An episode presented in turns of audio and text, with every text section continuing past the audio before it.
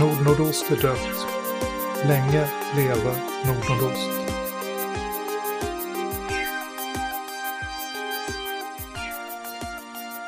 Jag heter Wilhelm och det här är det 29 avsnittet av Nordnordosts podcast. Det har gått nästan fem år sedan det förra avsnittet. Och under fem år har det hänt ganska mycket. När jag startade Nordnordost-podcasten så fanns det bara två andra rollspelspodcasts på svenska. Det var Toms Märklighetstroget och Roberts Bortom Bortom. Innan jag satte mig för att spela in idag så kikade jag runt och jag hittade ungefär 15 svenska rollspelspodcast. Och det är inte bara på podcastsidan som vi har sett en stor utveckling. Det har dykt upp massor med nya spel. Vi har fler spelmakare än någonsin och det finns de som säger att vi har gått in i en ny guldålder. Och kanske till och med någonting som överträffar den guldålder vi hade på 80-talet med äventyrsspel. Och det är inte bara i rollspels-Sverige som det har hänt saker. Hos Nordnordost har det också hänt saker. Två år efter förra avsnittet, i början på 2014, så slutade vi vara Indierummet Nordnordost och blev bara Nordnordost. Vidgade våra spelintressen till att infatta OSR och andra spännande saker. Men sidan är kvar och podcasten finns väl ändå kvar på något vis. Om man kan räkna det som samma podcast efter fem års uppehåll. Mikrofonen är samma, hörlurarna är samma och idag tänkte jag prata om spel. Precis som jag brukar. Och specifikt om hur jag gör när jag recenserar spel. Hur jag tänker och vad jag tittar på. Jag tänkte ganska mycket på hur jag skulle recensera spel egentligen. Och egentligen så började det inte där utan det började med att jag hade en hel hylla full med spel som jag aldrig hade läst. Och jag funderade på vad av det här ska jag egentligen spela? För det var hyllmeter av olika spel och spelmötena kom allt längre och längre isär.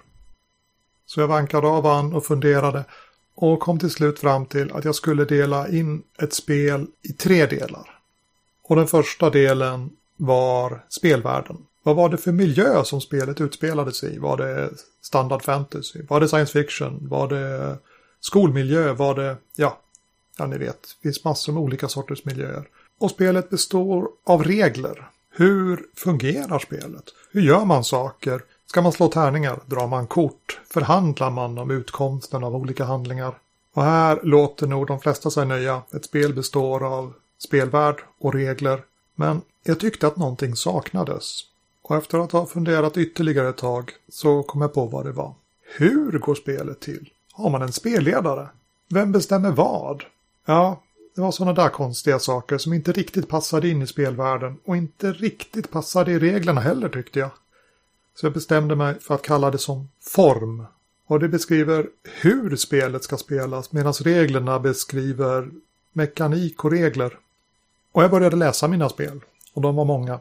Och jag recenserade dem på min blogg för att ha kvar anteckningar av vad det var jag hade läst och kanske skulle det komma någon annan till glädje.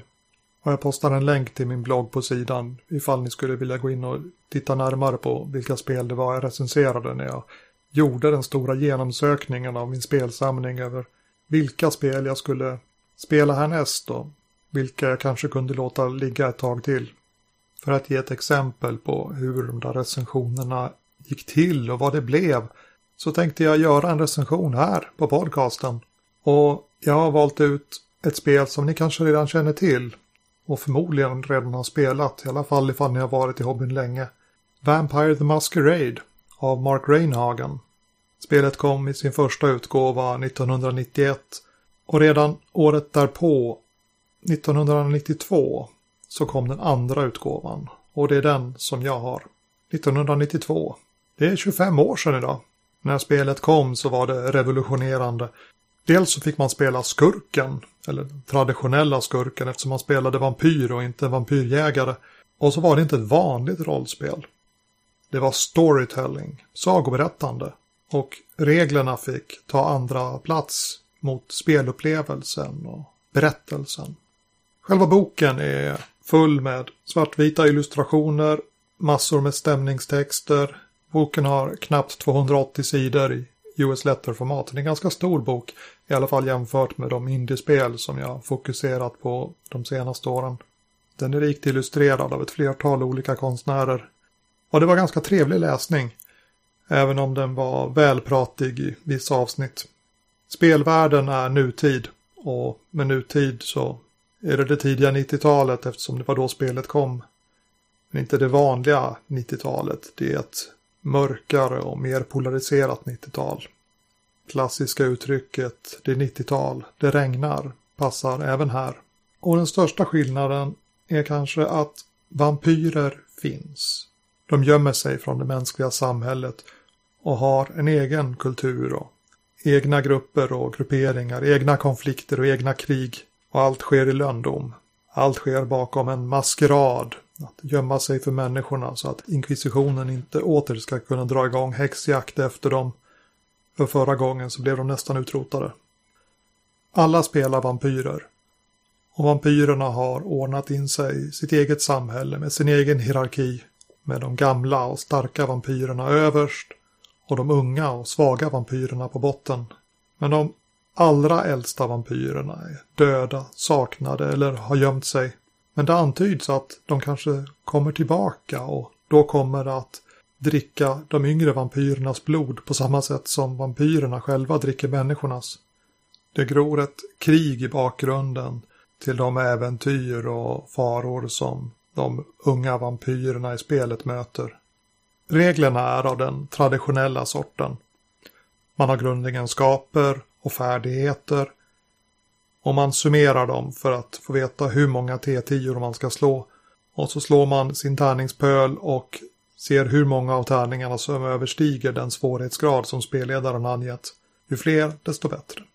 Vampyrerna har också specialförmågor eller superkrafter som kallas discipliner som låter dem göra speciella saker. Som att förvandla sig till djur eller hålla sig dolda. Minst lika viktigt som eh, hälsa är hur mycket blod vampyrerna har i sig. Blodet är en värdefull resurs som kan användas för att tillfälligt höja sina grundegenskaper. Att läka skador eller att aktivera disciplinerna. Och så var det det där med formen. Hur är formen i Vampire? Den är traditionell. Det finns en spelledare som i spelet kallas Storyteller, sagoberättare, som har absolut makt över världen och allt som finns i den, vad som ska ske och vad som händer, utom just rollpersonerna som spelarna styr en vardera av. Spelet i den traditionella skolan, de flesta spelen vid den här tiden såg ut så. Och än idag så fungerar ju de flesta spelen på det här viset. Men nu finns det många spel där gränsen mellan spelledare och spelare inte är riktigt lika skarp längre. Spelarna förväntas beskriva relationer och fylla på detaljer om spelvärlden.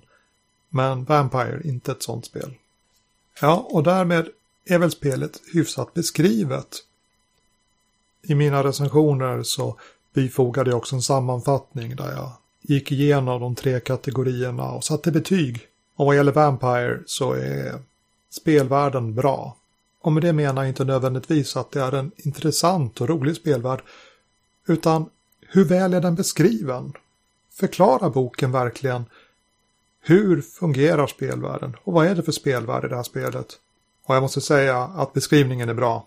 Det finns inte så mycket detaljer, men spelet innehåller tydliga instruktioner och förklaringar av hur vampyrernas värld ser ut och hur man själv ska göra för att förvandla en stad till en kopia som är full med vampyrer. På regelsidan är betyget lägre. Jag ser dem som acceptabla. De innehåller allt man måste ha. Man kan slåss, man kan eh, använda sina superkrafter, man kan eh, ägna sig åt förhandling, man kan ta skada.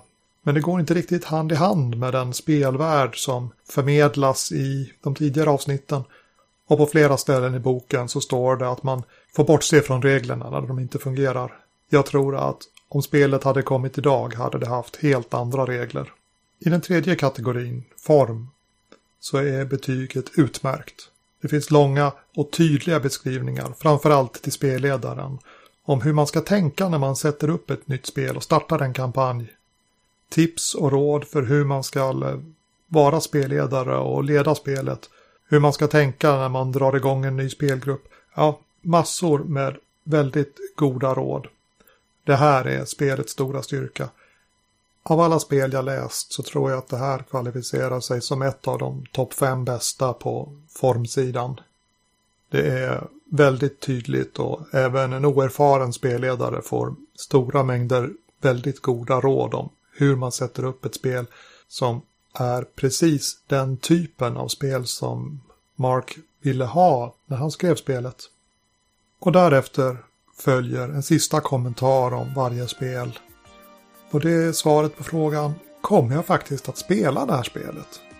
Och jag har spelat spelet. För länge sedan, flera år spelade vi Vampire i olika utgåvor. Men jag tror att jag ska ge det ett nytt försök.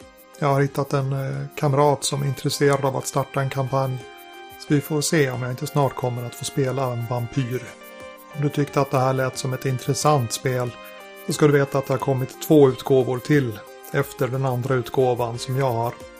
Men vill du specifikt ha just den andra utgåvan som jag har så går den att köpa på DriveThruRPG eller begagnad på nätet. Och med det så tror jag att jag sätter punkt för den här gången. Det blev ett eh, kort avsnitt men det har också varit ett långt uppehåll. Jag är fortfarande lite ringrostig kanske. Har du något önskemål om vad kommande avsnitt ska handla om eller förslag på vad jag borde ta upp? Ta och kontakta mig så får vi se vad vi kan göra. Och med det säger jag tack och hej för den här gången.